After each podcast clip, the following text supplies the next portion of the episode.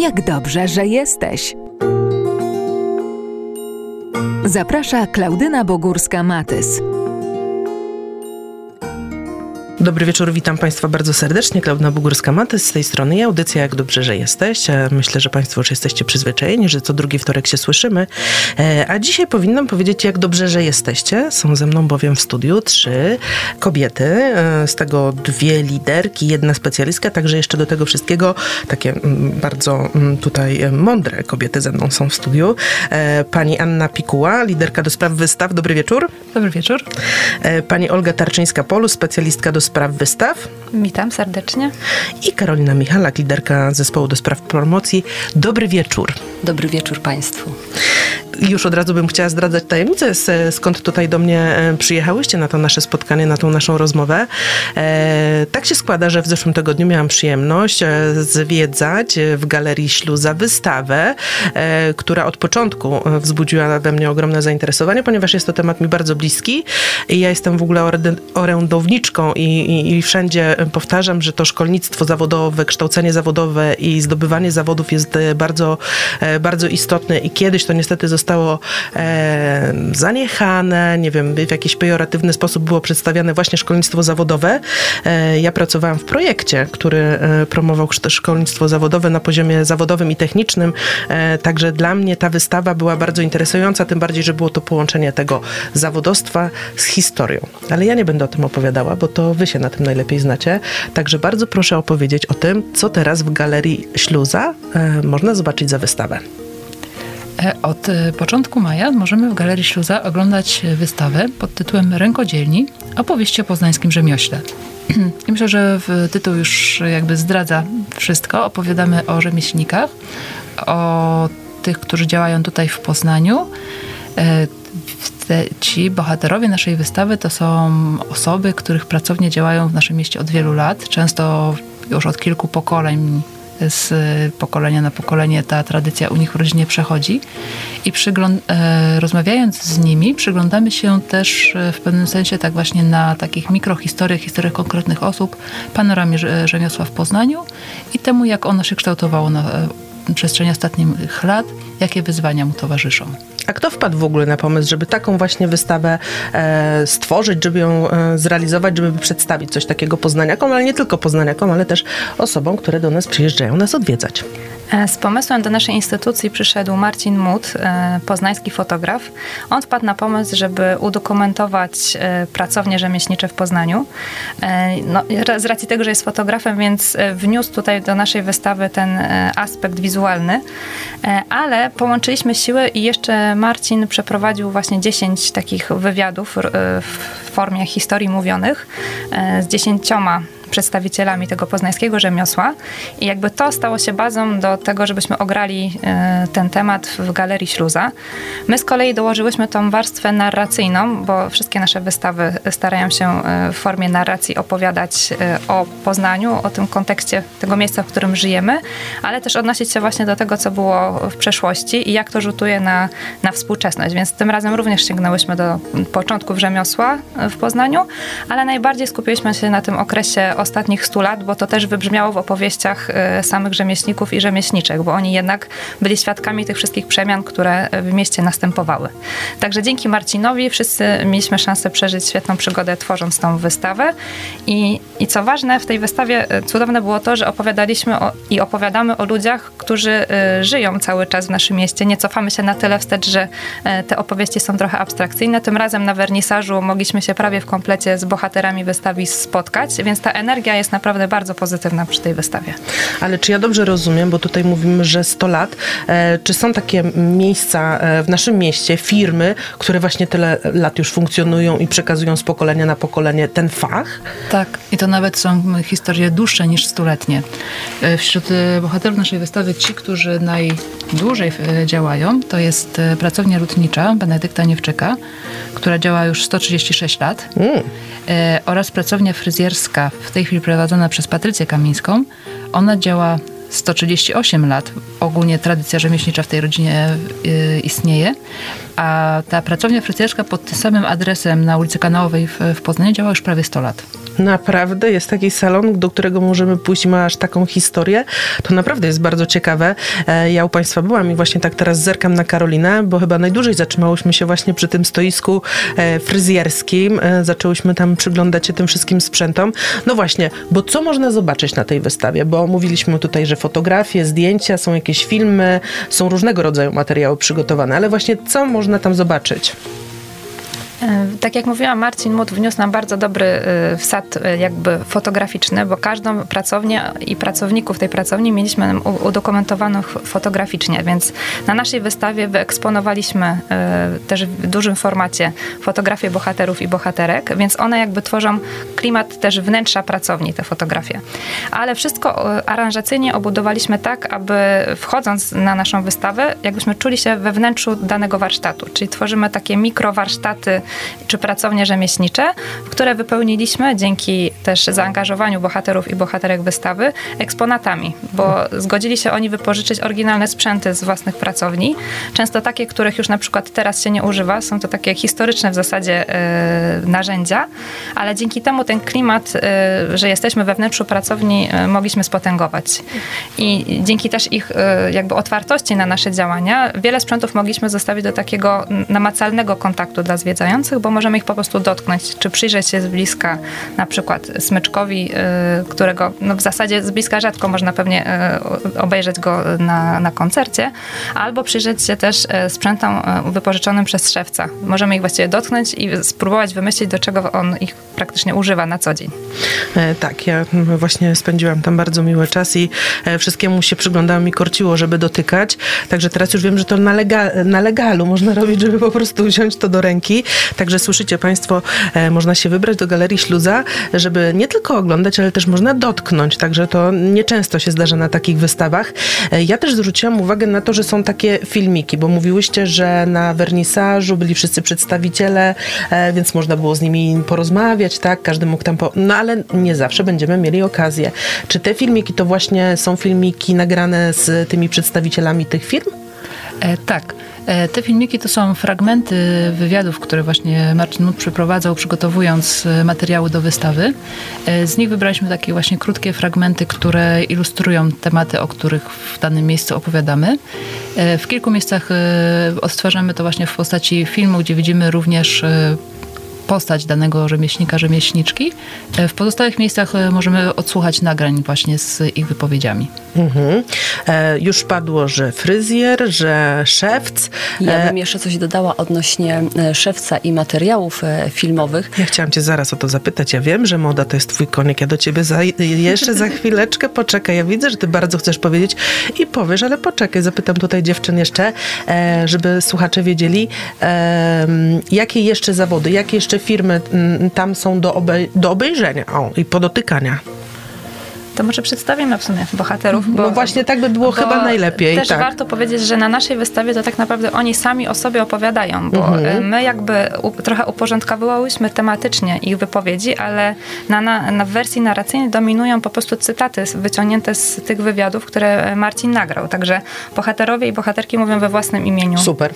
Także przedstawmy ich może po kolei. Myślę, że tak, to e, będzie bo najfajniejsze. I są to też e, osoby, które można spotkać w przestrzeni miasta, a też będzie można spotkać być może w, też w komplecie na wydarzeniach, które będziemy organizować e, w, no, W najbliższym, w najbliższym czasie. czasie, ale może do tego przejdziemy na koniec. Przedstawmy teraz po kolei. Okej. E, więc e, naszą wystawę zaangażował się pan Robert Weber, który jest cukiernikiem i tradycję cukierniczą w jego rodzinie już tam od lat 60., 70. trwa. Obecnie wraz z córką e, e, rozwijają działalność na Wildzie.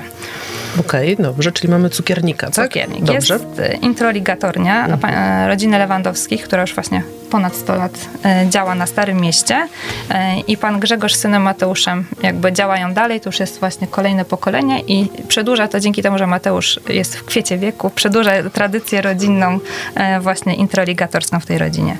E, Opowiadamy na wystawie również o dwóch pracowniach e, krawiectwa miaro- miarowego. Jedna to pracownia rodziny Krupa Rzeszutko, reprezentowaną przez trzy pokolenia przez trzy pokolenia krawieckie. Mm, przez dziadka, mamę i Karola, który wypowiada się na naszej wystawie Mhm. o, swojej, e, o, o swojej pracowni.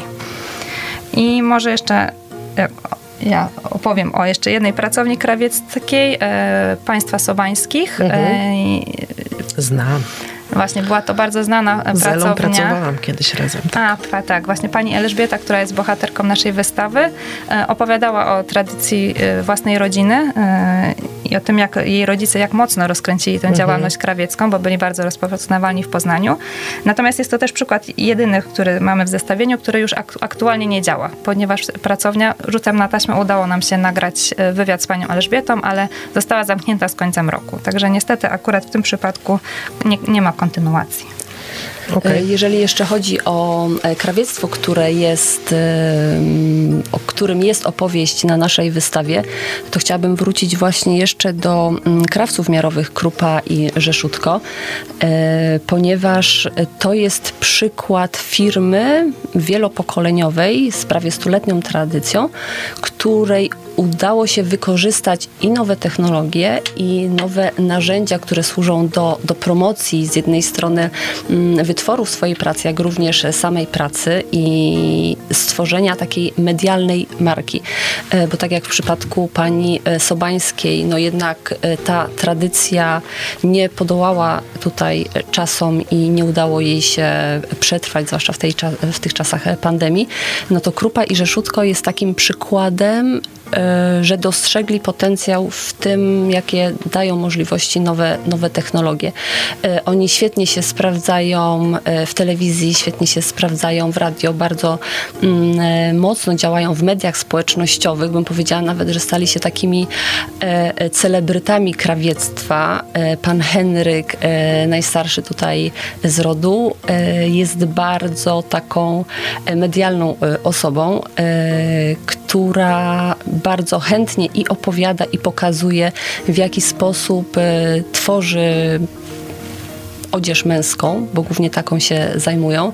E, Jeżeli chodzi o samą e, wystawę, to co możemy zobaczyć i, i posłuchać też, to mnie, mimo że od, z modą jestem związana od wielu, wielu lat e, i może tak wstyd się przyznać, e, ale zaskoczeniem była opowieść, czym różni się e, krawiectwo miarowe od szycia miarowego. Proszę. I teraz najlepiej by było, żebym ja to powiedziała. Ja ale, właśnie ale ja bym żeby- chciała, ale ja bym chciała, żeby Państwo przyszli na wystawę, zeszli na do naszej piwnicy, ponieważ nasza wystawa e, mieści się na dwóch piętrach Galerii Śluza. Weszli do piwnicy, skierowali swoje e, kroki do najbardziej oddalonej sali, zapoznali się z ekspozycją e, krawiec, krawiecką i wysłuchali tego, co Karol Rzeszutko ma do powiedzenia na ten temat. Czyli nie zdradzisz tego teraz tutaj? Nie. Okej. Bo, po, bo No. po co wtedy przyjść na No wystawę? właśnie, no dobra, Nie, to okej. trzeba przyjść, wysłuchać i zobaczyć i wtedy wszystko będzie jasne. Ty jednak wiesz, jak tą promocję robić bardzo dobrze. dobrze. E, ale słuchaj, no już tak pięknie opowiadałaś, że nic tylko e, zapytać, gdzie jest ten zakład. No to chociaż to zdradź, tak? No bo tak opowiadałaś, że jest na... Gdzie on się mieści? Czy, czy my mamy takie informacje? Ależ oczywiście, że mamy na ulicy Łąkowej 20 przez 4. No, no to chociaż tyle dobrego, że powiedziałaś, gdzie można pójść e, do tego e, zakładu. E, dobrze, czy to są wszystkie? E, nie, no właśnie nie, bo mi coś tutaj mało jest. Tak. Następnymi naszymi bohaterami jest wspomniana już pracownia lotnicza Niewczyk i Synowie. To jest właśnie pracownia, która działa ponad 100 lat. E, Pan Benedykt jest kolejnym z, z kilku pokoleń e, osób w tej rodzinie, która zajmuje się produkcją e, skrzypiec. E, Tutaj właśnie opowiadając o tej rodzinie, też pokazujemy bardzo, jak wydarzenia z tej wielkiej historii wpływały na to, jak te rodziny funkcjonowały, bo tutaj pradziadek pana Benedykta musiał w którymś momencie wyjechać z Wielkopolski, wówczas jeszcze będącej pod zaborami. E, Przeniósł się do Lwowa, tam otworzył sw- e, swoją pracownię, która rozrosła się aż do całej fabryki instrumentów. Jak wspomina pan Benedykt, mieli oni tak szeroki wybór instrumentów, że w, mogli bez problemu zaopatrywać całe orkiestry i że teraz trudno mu jest znaleźć nawet wśród współczesnych twórców kogoś, kto miał tak szerokie spektrum działalności. I my na wystawie właśnie prezentujemy też przedruk katalogu E, ówczesnej tej fabryki e, Niewczyków e, z, ze wszystkimi instrumentami, które wówczas oferowali. On jest rzeczywiście bardzo gruby i bardzo bogaty. Mhm. Kolejny, kolejną pracownią jest pracownia oprawy obrazów i szklarnia Roberta Antowkowiaka. Pan Robert działa po sąsiedzku u nas na Śródce. Mhm. Razem ze swoim bratem Sławomirem prowadzą właśnie E, szklarnie w tej chwili w sumie głównie zajmują się oprawą obrazów, e, szklaniem troszeczkę mniej, chociaż właśnie pracownia w kilka pokoleń temu powstała głównie jako szklarnia, jako miejsce, które właśnie wymieniało szyby. E, panowie Antkowiakowie w tej chwili właśnie głównie zajmują się oprawą obrazów. W środowisku są dość mocno rozpoznawalni i często współpracują z różnymi osobami, które oprawą obrazów w związku ze swoją działalnością y, zawodową się zajmują. E, kolejny to jest pracownia szewska pana Bernarda Jakubowskiego, może oddam głos Karolinie. Karolina niedawno miała okazję też rozmawiać z panem Bernardem. Ona się aż pali, żeby o tym opowiadać, więc proszę, tak, dobrze. dokładnie. Nawet Ale to poczekaj, to zanim będziesz mówiła o szewcu, to bardzo dziękuję tutaj za tą informację o tych obrazach, bo akurat mam grafikę, która od roku czeka, aż ją oprawię, także już wiem, gdzie mogę się udać e, i przy okazji zobaczyć e, na miejscu ten e, zakład, gdzie będę mogła posłuchać pewnie też trochę historii, a przy okazji, skoro jest to po sąsiedzku na Śródce, to zawsze mogę do was przyjść i znowu zobaczyć, co tam, co tam jest nowego nowego, bo mówiliście, mówiłyście, przepraszam, że będziecie coś planowały, ale nie skaczemy. Dajemy tobie teraz e, głos. Karolino, proszę, powiedz o szewcu. W końcu, dziękuję bardzo. E, chciałam powiedzieć, że pan e, Bernard Jakubowski jest moim ulubieńcem. To znaczy uwielbiam wszystkich rzemieślników, których mamy u nas na wystawie, ponieważ każdy z nich jest pasjonatem tego, co robi. Natomiast pan Bernard jest tak wyjątkowo ciepłą i otwartą osobą, że aż żal mi pomyśleć o tym, co będzie, e, jeżeli on, bo to już jest pan, wydziała w, e, w kwiecie wieku, e, w momencie, kiedy on swój zakład będzie musiał zamknąć. Jeżeli chodzi o samą wystawę i materiał filmowy, jest bardzo piękne ujęcie przepraszam, są bardzo piękne ujęcia i wypowiedź pana Bernarda, który opowiada na dobrą sprawę od początku do końca, jak ten but powstaje, z jakich elementów ten but się składa i jakich narzędzi trzeba użyć, żeby ten but przygotować.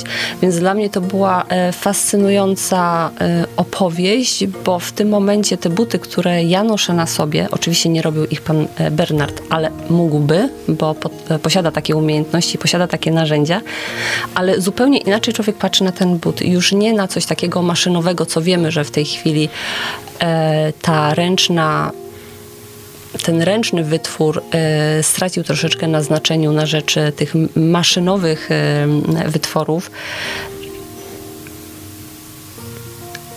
to jednak mimo wszystko teraz na but patrzę zupełnie inaczej. Wiem, że gdyby kilkadziesiąt lat temu mój but e, był wykonywany, z jakich elementów, z jakich etapów by się składał i jakich narzędzi można by było do tego użyć. A czy dzisiaj też można przyjść do pana Bernarda i poprosić, żeby wykonał właśnie takie buty? Można. Naprawdę? Super. Można wybrać się do pana Bernarda. E, pan Bernard stacjonuje na ulicy Kopernika. Mm, w tym zakładzie mieści się już od 95 roku e, i prowadzi swój własny zakład, ponieważ wcześniej działał w spółdzielni szewskiej mm, i na ulicy Podgórnej, również na ulicy Ratajczaka i na ulicy mm, Garbary. W kilku miejscach miał swoje e, siedziby, ale od 95 roku jest na narożniku ulicy mm, Kopernika 10. Można go tam znaleźć od godziny 9 do 17 e, Długo. każdego dnia takie ma zapotrzebowanie, tak? Byłam u niego z wizytą i widziałam, że cały czas ktoś wchodzi i, i wychodzi. Chcę też powiedzieć, że pan Bernard, oprócz tego, że jest wspaniałym fachowcem i bardzo ciepłą osobą, która odpowie na wszystkie pytania i z wielką przyjemnością pokaże, jak, jak można zrobić ten but, mm, to wywodzi się z rodziny o tradycjach szewskich. On jest w tej chwili trzecim pokoleniem szewców. Mhm, dobrze. E, czy to już jest e, całość? No właśnie, nie. tutaj kiwacie mi głowami, że nie, bo już się zgubiłam, nie doliczyłam się jeszcze tych, tych wszystkich e, e rzemieślników. To kto jest następny? Jednym z bohaterów wystawy jest też pan e, Marek Janiszewski, e, który prowadzi pracownię dość nietypową, e, czyli czyszczenia pierza i szycia kołder. W tych czasach kołdry przeważnie kupuje się w jakichś supermarketach. Rzadko trochę przykuwam, jakby zwracamy uwagę na to, pod czym śpimy, a jednak w sumie jedną trzecią naszego życia spędzamy w tym łóżku, więc warto by się przyjrzeć temu rzeczywiście, co w tej kołdrze siedzi i jakiej to jest jakości, bo u, u pana Marka rzeczywiście można naprawdę porządną kołdrę z takim gęsim pierzem sobie uszyć na zamówienie. I jak sam opowiadał, dzięki temu, że wszystko wykonują ręcznie u siebie, e, są w stanie sprostać takim nawet zamówieniom jak uszycie kołdry dla e, koszykarzy wysokich, e, takiej, która właściwie swoją powierzchnią zajęłaby przestrzeń małego pokoju, bo już takie zlecenie też mieli. Także pracownia pana Marka znajduje się na Roosevelta. Można też przyjść z własnym pierzem, które warto co jakiś czas odświeżyć i wyczyścić. Tym również się pan Marek zajmuje. I w opowieści pana Marka też mnie bardzo poruszyła jakby relacja z tego, w jaki sposób mierzył się z wyzwaniami tych zmieniających się czasów, szczególnie z transformacją lat 90., no bo rzeczywiście jako taki rasowy przedsiębiorca e, no, wziął na bary te wszystkie zmiany i wyszedł frontem do klienta, utworzył jakieś e, punkty odbioru tego pierza do czyszczenia, jakby nadążał za tymi zmianami, co tak słuchając relacji wszystkich tych rzemieślników jest bardzo trudne, bo te czasy, no począwszy właściwie w tych historiach mamy od zaborów, których wiadomo, że były wyzwaniem E, samym sobie już funkcjonowanie w tych czasach.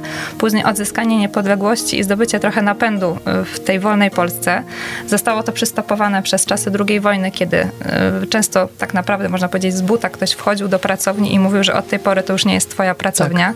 Tak. Takie dwa przypadki też mieliśmy właśnie na przykład introligatornia Lewandowskich zmierzyła się też właśnie z takim wyzwaniem, czy zakład fryzjerski państwa kamińskich, kiedy po prostu pod okupacją musieli stać się no na szczęście jakby przetrwali, to stali się pracownikami własnej firmy, a po odzyskaniu znowu niepodległości wrócili do obiegu już pod swoją marką. Także tych wyzwań było mnóstwo. No, PRL z tym, że właśnie albo się pracowało w spółdzielniach, albo się musiało naprawdę wysilić, żeby też przetrwać na rynku.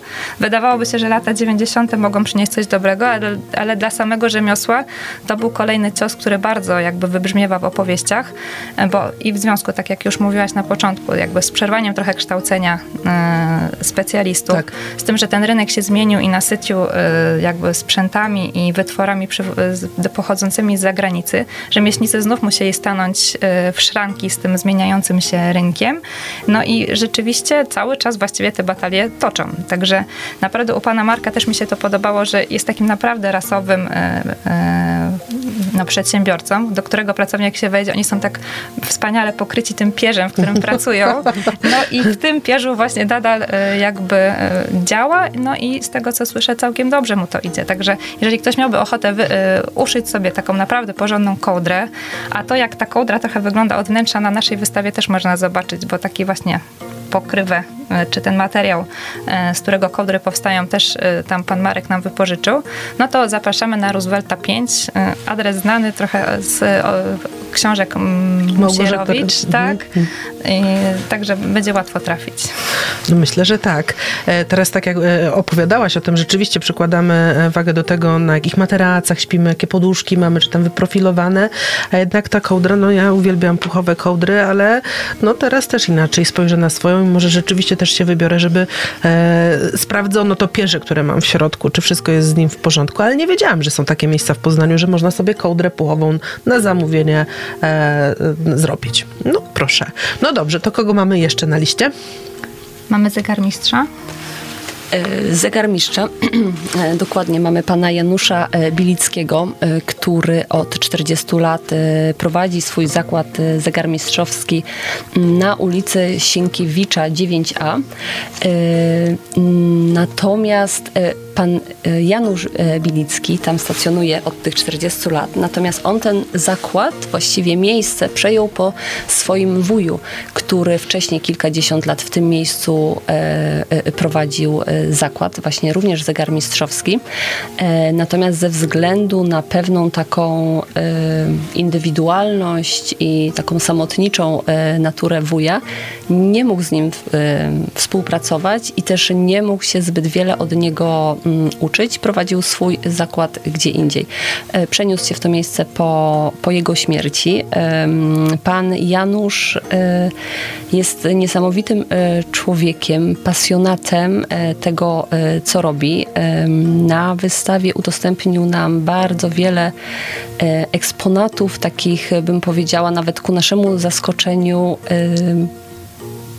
i starych, i bardzo e, wartościowych, e, więc tym bardziej zapraszamy do, e, do odwiedzenia nas, ponieważ można zobaczyć autentyczne, historyczne mm, eksponaty. Pan Janusz zdradza mm, tajniki swojej pracy, opowiada o swojej pasji.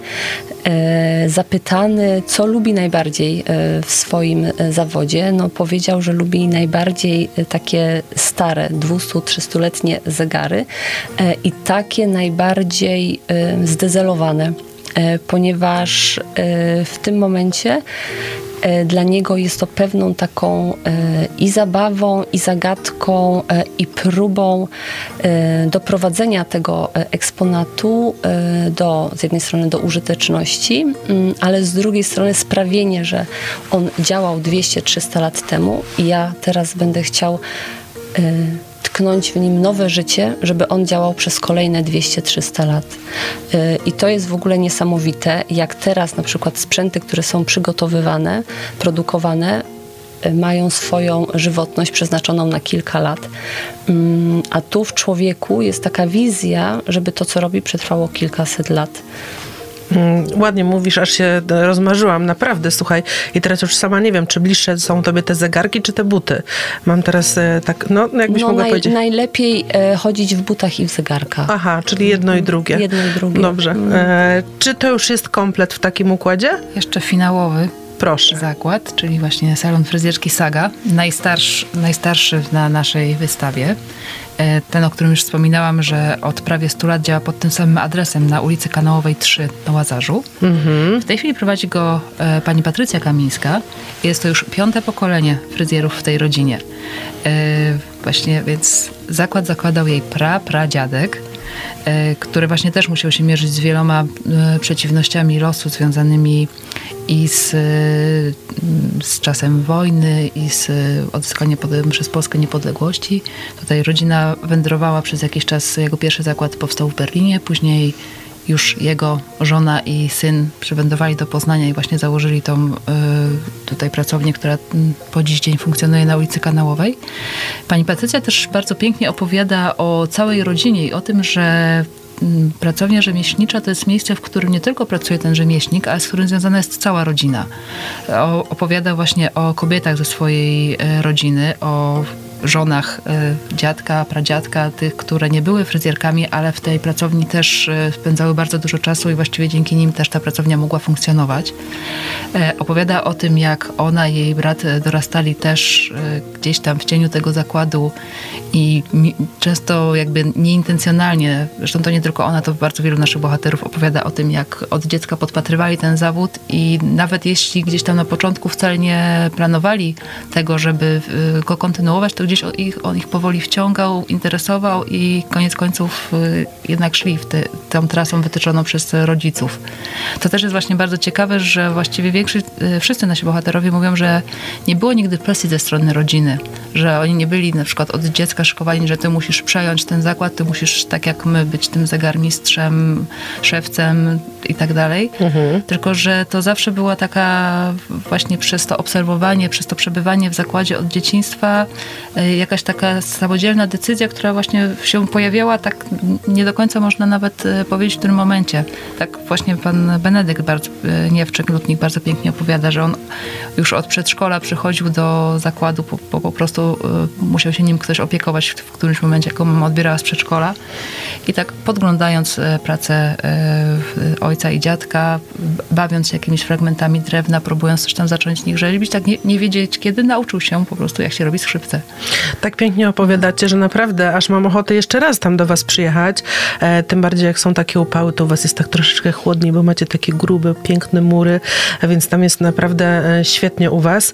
E, i mm, mam takie pytanie, no bo ja oczywiście troszeczkę inaczej oglądałam tą wystawę. Kto oprowadza po tej wystawie? Czy będzie szansa właśnie spotkać się z wami, żebyście wy tak pięknie opowiadały? Czy ona się opowiada sama? Jak to wygląda? Dla kogo jest ta wystawa? Bo wiem, że tutaj mówiliście, że też dla rodzin, dla dzieci. Eee, no i właśnie, i, i, i jak tam jest się poprowadzonym przez tą wystawę, żeby to wszystko wyłapać, wychwycić, tak jak wy tu cudownie opowiadacie? Znaczy tak jak e, wszystkie wystawy, które robimy w Galerii Śluza, staramy się, żeby ta wystawa była narracyjna, a więc żeby ta opowieść, e, która stoi za tymi postaciami, zdjęciami, które prezentujemy, e, była opowiedziana zwiedzającemu, żeby on przechodząc przez poszczególne sale, zapoznając się z treściami, mógł właśnie to wszystko, co opowiadamy, też w jakiś sposób e, się dowiedzieć. Przygotowując tą wystawę, bazowaliśmy na tym, co sami rzemieślnicy nam opowiedzieli w, ramach wywiadów, które przeprowadzał Marcin Mut. I z nich y, wybierałyśmy fragmenty wypowiedzi pod konkretne tematy, po które jakby nadałyśmy poszczególnym salom. Tak nam się to pięknie ułożyło, że akurat te wszystkie tematy, które dla nas wydawały się istotne, w tych opowieściach się pojawiały. A więc opowiadamy o tej historii, o tradycji przekazywania sobie z pokolenia na pokolenie e, tradycji rzemieślniczych e, w poszczególnych rodzinach. E, opowiadamy o drodze do zawodu, o tym, jak ważne w, w rzemiośle jest e, uczenie się od mistrza, ta relacja mistrz-uczeń, e, podpatrywanie osoby, która lepiej zna ten zawód, ćwiczenie pod jej okiem, doskonalenie się. Opowiadamy o, o właśnie tym trudnym momencie, o którym już wspominała przed chwilą Olga, przekształceń lat 90. i tego, jak wówczas y, rzemiosło musiało sobie radzić z szybko zmieniającym się światem dookoła i tym, jakim właściwie do dziś pokutującym problemem jest to, że wówczas ta relacja mistrz-uczeń została przerwana, bo zniknęły, może nie tyle zniknęły, co przestały być atrakcyjne dla e, potencjalnych e, uczniów e, szkoły zawodowe, a więc jakby nie było tych następnych pokoleń, które mogłyby wejść do tego zawodu, a w tej chwili nawet jak ktoś chce wejść do zawodu, chce zostać rzemieślnikiem, to często nie ma się już od kogo uczyć, bo ci, którzy wówczas byli aktywnymi rzemieślnikami, dzisiaj już są wiekowi i często już nie mają siły, ochoty, cierpliwości, żeby jakby kolejne mm, osoby uczyć, więc właśnie w tej chwili jest nawet tak, że choć te zawody rzemieślnicze zyskują coraz większą popularność, coraz więcej osób, które by chciały w tą stronę iść, to często nie mają od kogo się nauczyć tych praktycznych rzeczy. To tak. Mogę się wtrącić, -hmm. to właśnie e, pani Elżbieta Sowańska, e, której rodzice prowadzili pracownię krawiecką, jest taką jakby skarbnicą wiedzy tego, co właśnie te lata 90. przyniosły rzemiosło, bo e, z racji tego, że ona sama nie jest mistrzynią krawiecką, także e, osobiście nie kontynuowała tej drogi, e, którą wytyczyli jej rodzice, natomiast bardzo dużo energii włożyła w to, żeby ta pracownia rodziców, która dla niej była czymś bardzo wartościowym, e, bo często to podkreśla w, w rozmowie, chciała, żeby przetrwała i starała się ze wszystkich sił znaleźć następców e, po mamie, e, tacie i, i panu Bogdanie Krawcu, który jako ostatni był tam na posterunku e, taki 80-letni żwawy pan, który jakby kontynuował, no, utrzymał na poziomie jakby tym krawieckim tą pracownię.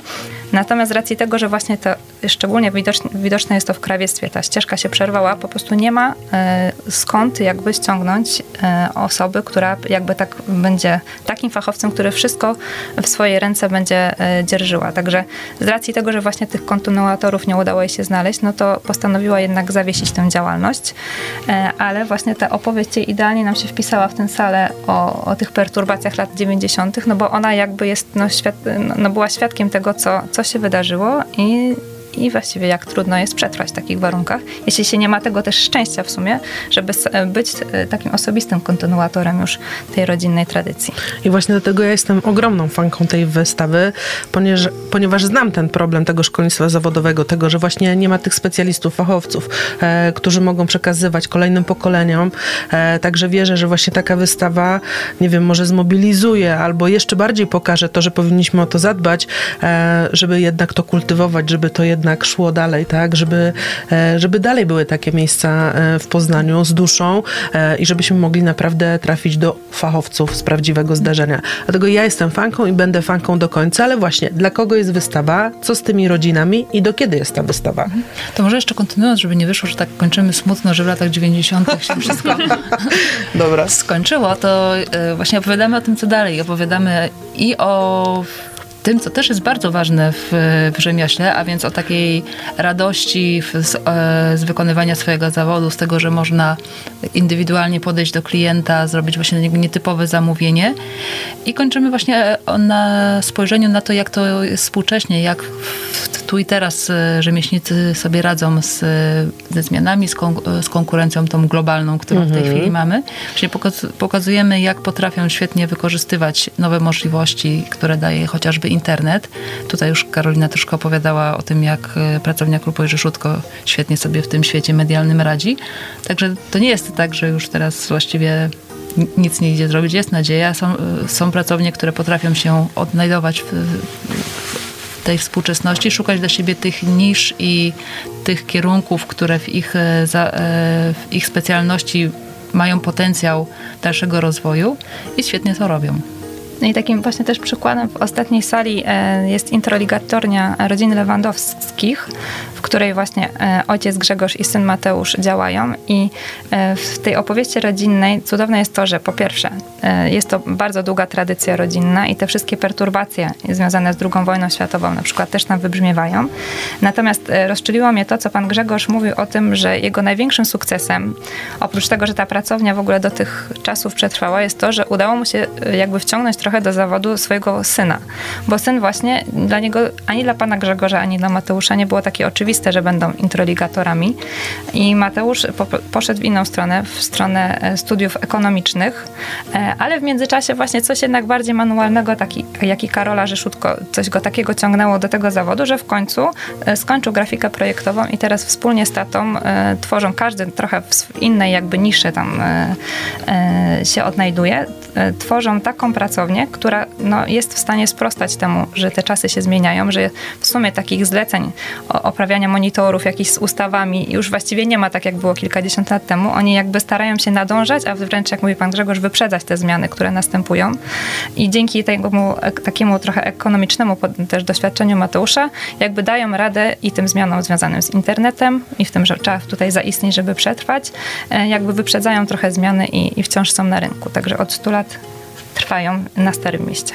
Dobrze, to już się zrobiło bardziej optymistyczne, czyli idziemy w tym fajnym kierunku, ale widzę, że Karolina koniecznie chce coś jeszcze dodać, także proszę Karolino, powiedz nam, co jeszcze chciałabyś powiedzieć. Dokładnie. Ja optymistycznie już teraz bardzo tylko. optymistycznie, e, w tym samym duchu. Właśnie chciałam wrócić do naszego zegarmistrza, pana Janusza, ponieważ w jego przypadku e, było e, podobnie, właściwie w przypadku jego potomka, jego syna, który obserwował ojca od najmłodszych lat, który większość większość czasu spędzał w zakładzie zegarmistrzowskim, bo skoro ojciec miał e, taką ideę, żeby te zegarki, które naprawia, e, przetrwały przez wieki, a nie tylko na chwilę.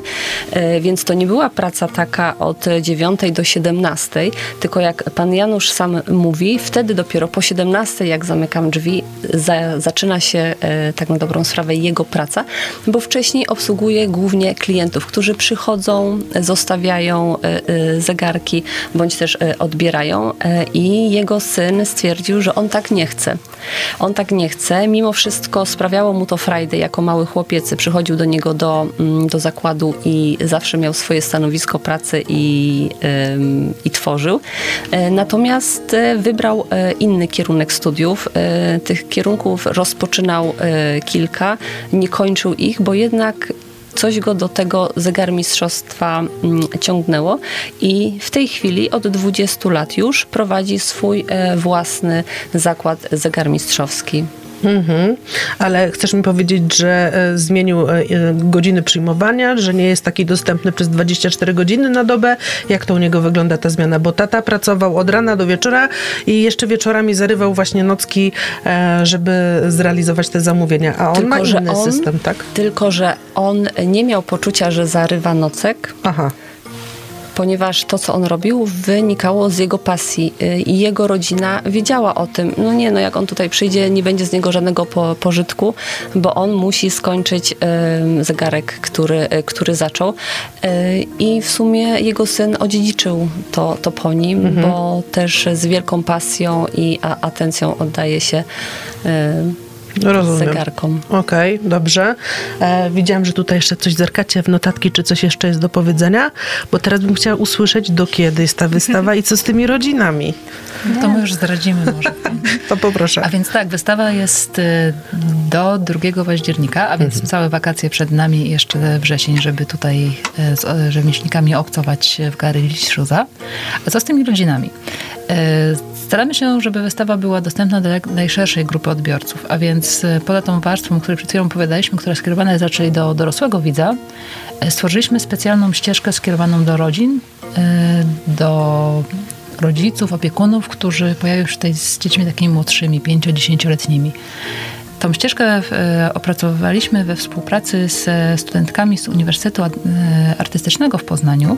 E, z Uniwersytetem współpracujemy już któryś raz właśnie wspólnie ze studentami, studentkami, tworząc różne elementy wystawiennicze.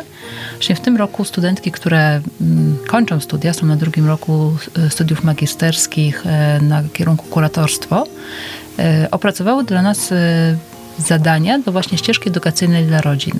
Także w każdej z sal wystawienniczych jest jedno stanowisko, które jest skierowane typowo dla młodszego odbiorcy, gdzie mogą wykonać pewne zadanie, przy okazji dowiadując się czegoś, czy o rzemiosłach, o których opowiadamy w danej sali, czy o y, historii, troszeczkę też własnej rodziny, bo na przykład w, którymś, w którejś z sal pytamy o to, jakie znają zawody z przeszłości swojej rodziny, kim są rodzice, dziadkowie, a kim oni by chcieli być, więc też tutaj trochę szukamy z jednej strony tych tropów rzemieślniczych e, w tych rodzinach, no ale z drugiej też jakby pozwalamy na to, żeby się zastanowili nad tymi zawodami, nad tym, jak to jest e, z kontynuowaniem zawodów w ich rodzinie, e, jak pasja przechodzi w zawód albo niekoniecznie, więc też tutaj przy tym pro, programie rodzinnym można się nie tylko dowiedzieć o jakby samych rzemieślnikach, ale też troszeczkę się zastanowić nad własnymi relacjami w rodzinie, jeśli chodzi o kwestie zawodowe. Mhm, czyli możemy się wybrać śmiało z dziećmi e, i też im przybliżyć tutaj właśnie kwestię e, tych rzemieślników, tego fachu, e, tej pasji, tych starych zawodów, które są dalej kontynuowane, czyli dzieciaki też znajdą dla siebie coś interesującego. A proszę mi powiedzieć, czy przez 7 dni w tygodniu można Was odwiedzać, czy są jakieś tylko wyznaczone dni? Jak to wygląda?